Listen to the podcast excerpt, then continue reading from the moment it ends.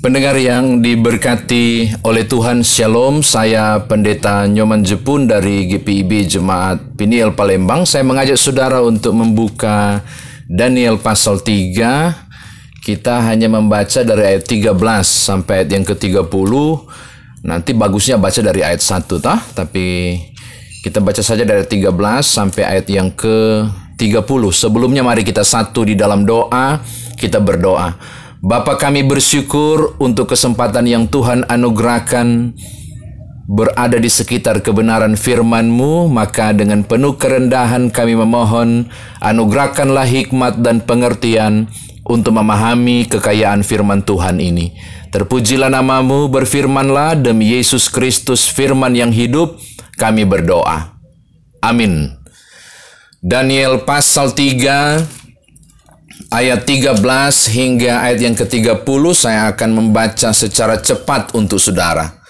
Sesudah itu Nebukadnezar memerintahkan dalam marahnya dan geramnya untuk membawa Sadrak, Mesak dan Abednego menghadap.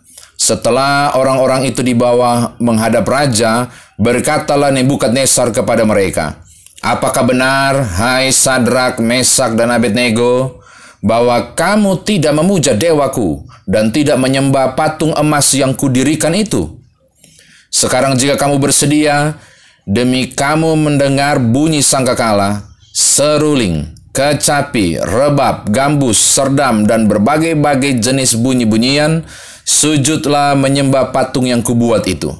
Tetapi, jika kamu tidak menyembah, kamu akan dicampakkan seketika itu juga ke dalam perapian yang menyala-nyala. Dan dewa manakah yang dapat melepaskan kamu dari dalam tanganku? Lalu Sadrak, Mesak, dan Abednego menjawab, Raja Nebukadnezar, tidak ada gunanya kami memberi jawab kepada Tuanku dalam hal ini. Jika Allah kami yang kami puja sanggup melepaskan kami, maka ia akan melepaskan kami dari perapian yang menyala-nyala itu dan dari dalam tanganmu ya Raja. Tetapi seandainya tidak, hendaklah Tuanku mengetahui ya, ya Raja, bahwa kami tidak akan memuja dewa Tuanku dan tidak akan menyembah patung emas yang Tuanku dirikan itu. Maka meluaplah kegemara, kegeraman Nebukadnezar. Air mukanya berubah terhadap Sadrak, Mesak, dan Abednego Lalu diperintahkannya supaya perapian itu dibuat tujuh kali lebih panas dari yang biasa. Kepada beberapa orang yang sangat kuat dari tentaranya dititahkannya untuk mengikat Sadrak, Mesak, dan Abednego dan mencampakkan mereka ke dalam perapian yang menyala-nyala itu. Lalu diikatkanlah ketiga orang itu dengan jubah, celana, topi, dan pakaian-pakaian mereka yang lain dan dicampakkan ke dalam perapian yang menyala-nyala. Karena tita raja itu keras, dipanaskanlah perapian itu dengan luar biasa. Sehingga nyala api itu membakar mati orang-orang yang mengangkat Sadrak, Mesak, dan Abednego itu ke atas. Tetapi ketiga orang itu yakni Sadrak, Mesak, dan Abednego jatuh ke dalam perapian yang menyala-nyala itu dengan terikat. Kemudian terkejutlah Raja Nebukadnezar lalu bangun dengan segera berkatalah ia kepada menterinya, Bukankah tiga orang yang telah kita campakkan dengan terikat ke dalam api itu? Jawab mereka kepada raja, benar raja, ya raja. Katanya, tetapi ada empat orang kulihat berjalan-jalan dengan bebas di tengah-tengah api itu. Mereka tidak terluka dan yang keempat itu rupanya seperti anak dewa. Lalu Nebukadnezar mendekati pintu perapian yang menyala-nyala itu. Berkatalah ia, Sadrak, Mesak, dan Abednego, hamba-hamba Allah yang maha tinggi, keluarlah. Dan datanglah kemari. Lalu keluarlah Sadrak, Mesak, dan Abednego dari api itu dan para wakil raja, para penguasa, para bupati, dan para menteri raja datang berkumpul. Mereka melihat bahwa tubuh orang-orang ini tidak mempan oleh api itu, bahwa rambut di kepala mereka tidak hangus, juga mereka tidak berubah apa-apa, bahkan bau kebakaran pun tidak ada pada mereka. Berkatalah Nebukadnezar, terpujilah Allah Sadrak, Mesak, dan Abednego. Ia telah mengutus malaikatnya dan melepaskan hamba-hambanya yang telah menaruh percaya kepadanya dan melanggar titah raja dan yang menyerahkan tubuh mereka karena mereka tidak mau memuja dan menyembah Allah mana pun kecuali Allah mereka. Sebab itu aku mengeluarkan perintah bahwa setiap orang dari bangsa, suku bangsa, atau bahasa mana pun ia yang mengucap penghinaan terhadap Allahnya Sadrak, Mesar, dan Abednego akan dipenggal-penggal dan rumahnya akan dirobohkan menjadi timbunan puing karena tidak ada Allah lain yang dapat melepaskan secara demikian itu. Lalu raja memberikan kedudukan yang tinggi kepada Sadrak, Mesa dan Abednego di wilayah Babel. Demikian firman Tuhan, saudara saya dikatakan berbahagia jika mendengarkan firman Tuhan ini merenungkannya, memberitakannya istimewa melakukan dalam hidup beriman kita. Bapak Ibu Saudara kekasih di dalam Tuhan, ada beberapa hal yang saya mau sampaikan kepada saudara. Pasti saudara mengenal tokoh ini karena Terlebih kitab ini namanya Daniel. Siapakah Daniel itu? Dia dalam bahasa Ibrani berarti Allah adalah hakimku. Ia terkenal karena ketaatannya. Daniel ini terlahir sebagai bangsawan dan sekitar tahun 625 sebelum Masehi, pasal 1 ayat 3 sampai 4. Ia mendapatkan pelajaran yang sangat keras melalui pengalaman hidupnya yaitu di bawah dalam pembuangan oleh Raja Nebukadnezar. Waktu itu Daniel berusia 20 tahun waktu dia dibuang. Menarik untuk disimak bahwa Daniel bersama dengan beberapa orang muda terpilih dalam rekrutmen bekerja di istana dengan sistem ikatan dinas. Kalau saudara baca itu ada di pasal 1 ayat 4 dan ayat yang kelima. Nah Alkitab menyebut ada empat orang Yahudi muda, orang muda yang lolos seleksi, yakni Daniel tadi yang berarti Allah adalah hakimku, yang kemudian diganti namanya menjadi Belsasar, yang berarti kiranya ibu dewa Bel melindungi raja. Lalu yang kedua ada Hananya. Hananya ini berarti yang dikasihi Tuhan. Dia disebut Sadrak yang berarti disinari oleh dewa matahari Ba. Kemudian Misael yang berarti siapakah Allah, dia diganti namanya menjadi Mesak yang berarti hamba dari dewa Sak. Lalu kemudian ada Asaraya yang berarti Tuhan adalah penolongku, kemudian diganti menjadi Abednego hamba dari Dewa Nego. Saya tidak mau berkisah uh, panjang tentang tiga tokoh ini yang pasti mereka takut Tuhan. Lalu kemudian ada strategi politis. Kalau sudah mesti baca itu dari pasal 2 sampai pasal 3 berusaha menjatuhkan empat tokoh ini dan kita masuk pada tiga tokoh ini mereka berusaha dijatuhkan dengan cara membuat patung emas itu lalu harus menyembah dan jika tidak menyembah dan kedapatan mereka nggak menyembah. Oke, sekarang kita lihat ayat 13 sampai yang ke-30 bagaimana percakapan itu raja marah. Ketika Raja marah, terjadilah dialog yang menarik. Ini catatan saya yang pertama, perhatikan baik-baik hal yang luar biasa.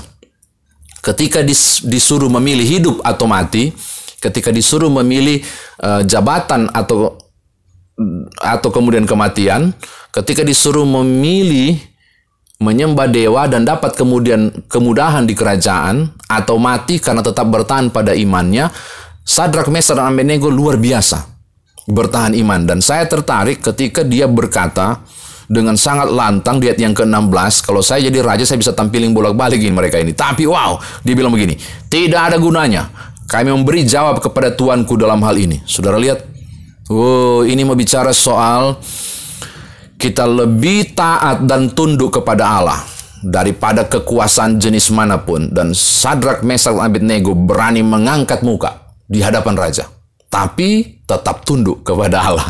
Ini pilihan yang sulit, tapi Sadak Mesak melakukannya. Ini ini catatan saya yang pertama. Yang kedua, mari kita lihat ayat yang ke 17 dan ayat yang ke-18. Ini catatan yang kedua.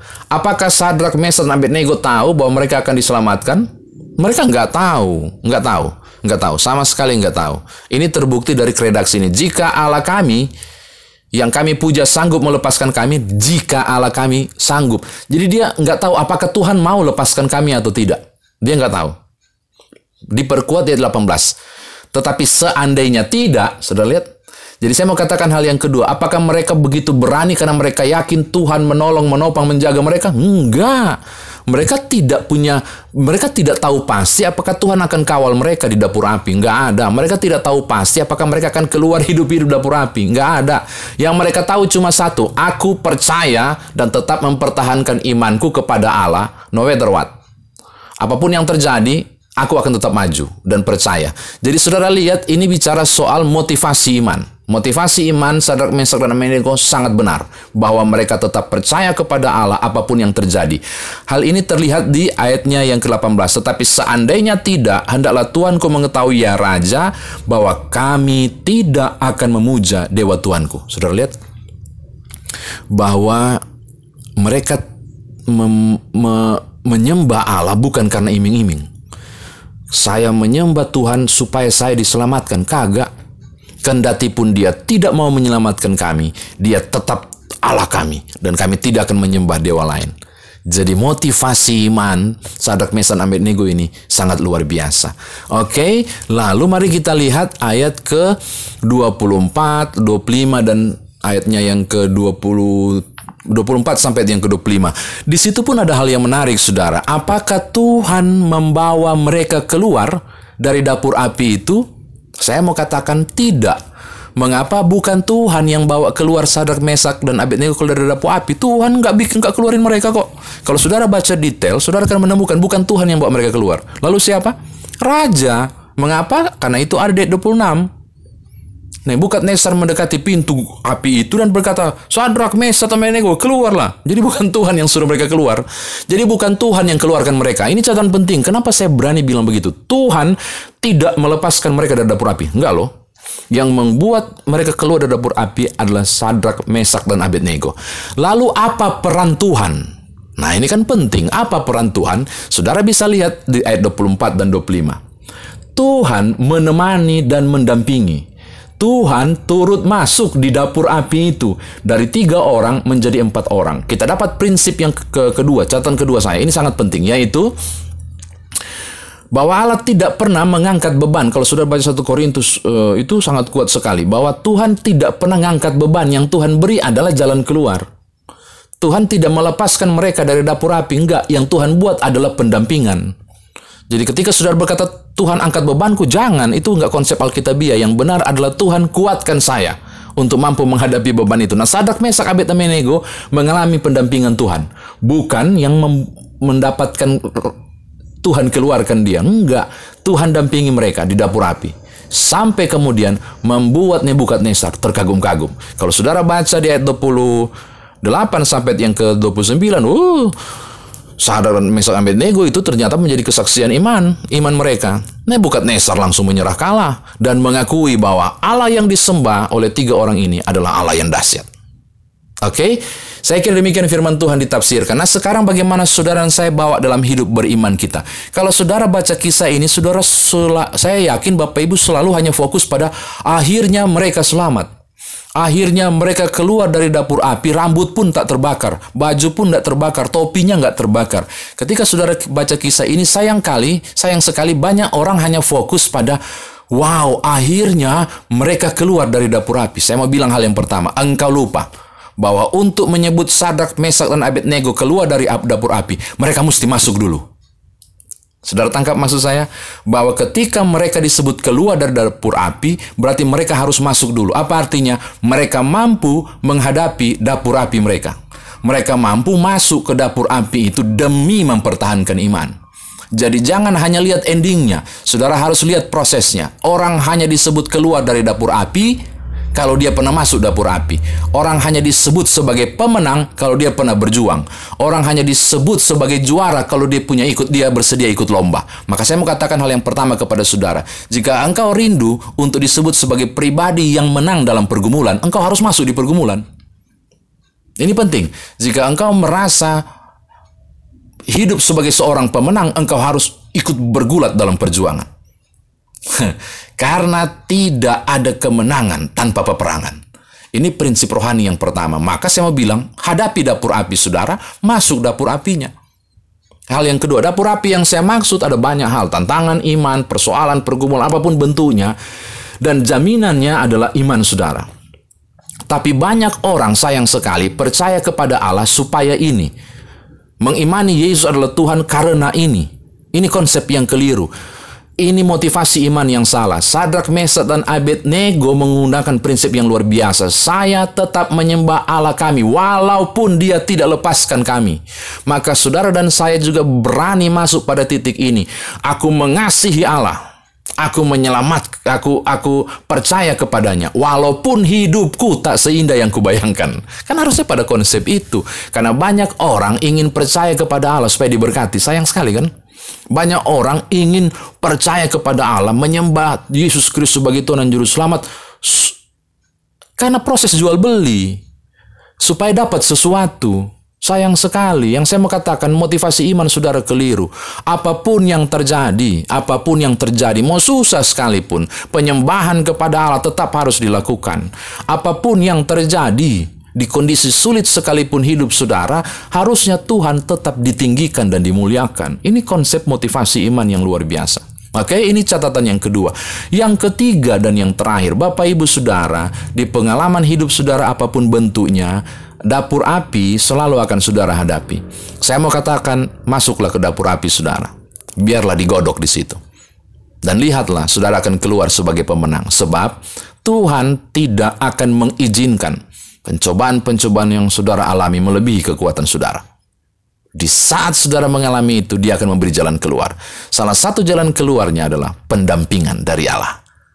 Akhirnya, ada peluang untuk ada seruan. Keluarlah dari dapur api itu.